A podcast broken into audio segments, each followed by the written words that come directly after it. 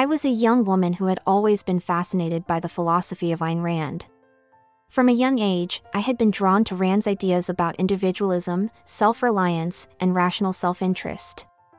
As I grew older and learned more about Rand's philosophy of objectivism, I became more and more convinced that it was the only logical and moral way to live.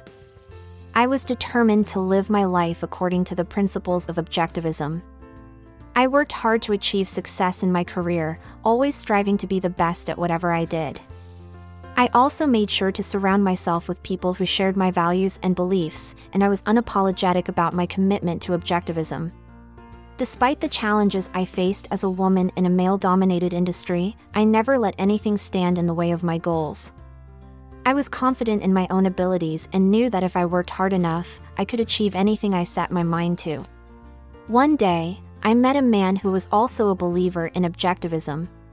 His name was David, and he was just as passionate about Rand's philosophy as I was. The two of us hit it off immediately, bonding over our shared beliefs and values. As we got to know each other better, David and I realized that we had an intense connection. We both believed in living our lives according to our own rational self interest, and this made us feel alive and free. We were attracted to each other on a deep, philosophical level, and our connection only grew stronger as we spent more time together. As our relationship deepened, David and I discovered that we had a strong sensual connection as well. We enjoyed exploring each other's bodies and minds, and we found that our shared commitment to objectivism made our physical intimacy even more intense and satisfying. In the end, David and I knew that we had found something special in each other.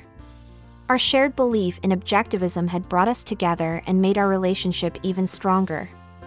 We were grateful to have found such a perfect match, and we knew that we would always be there for each other, no matter what life threw our way.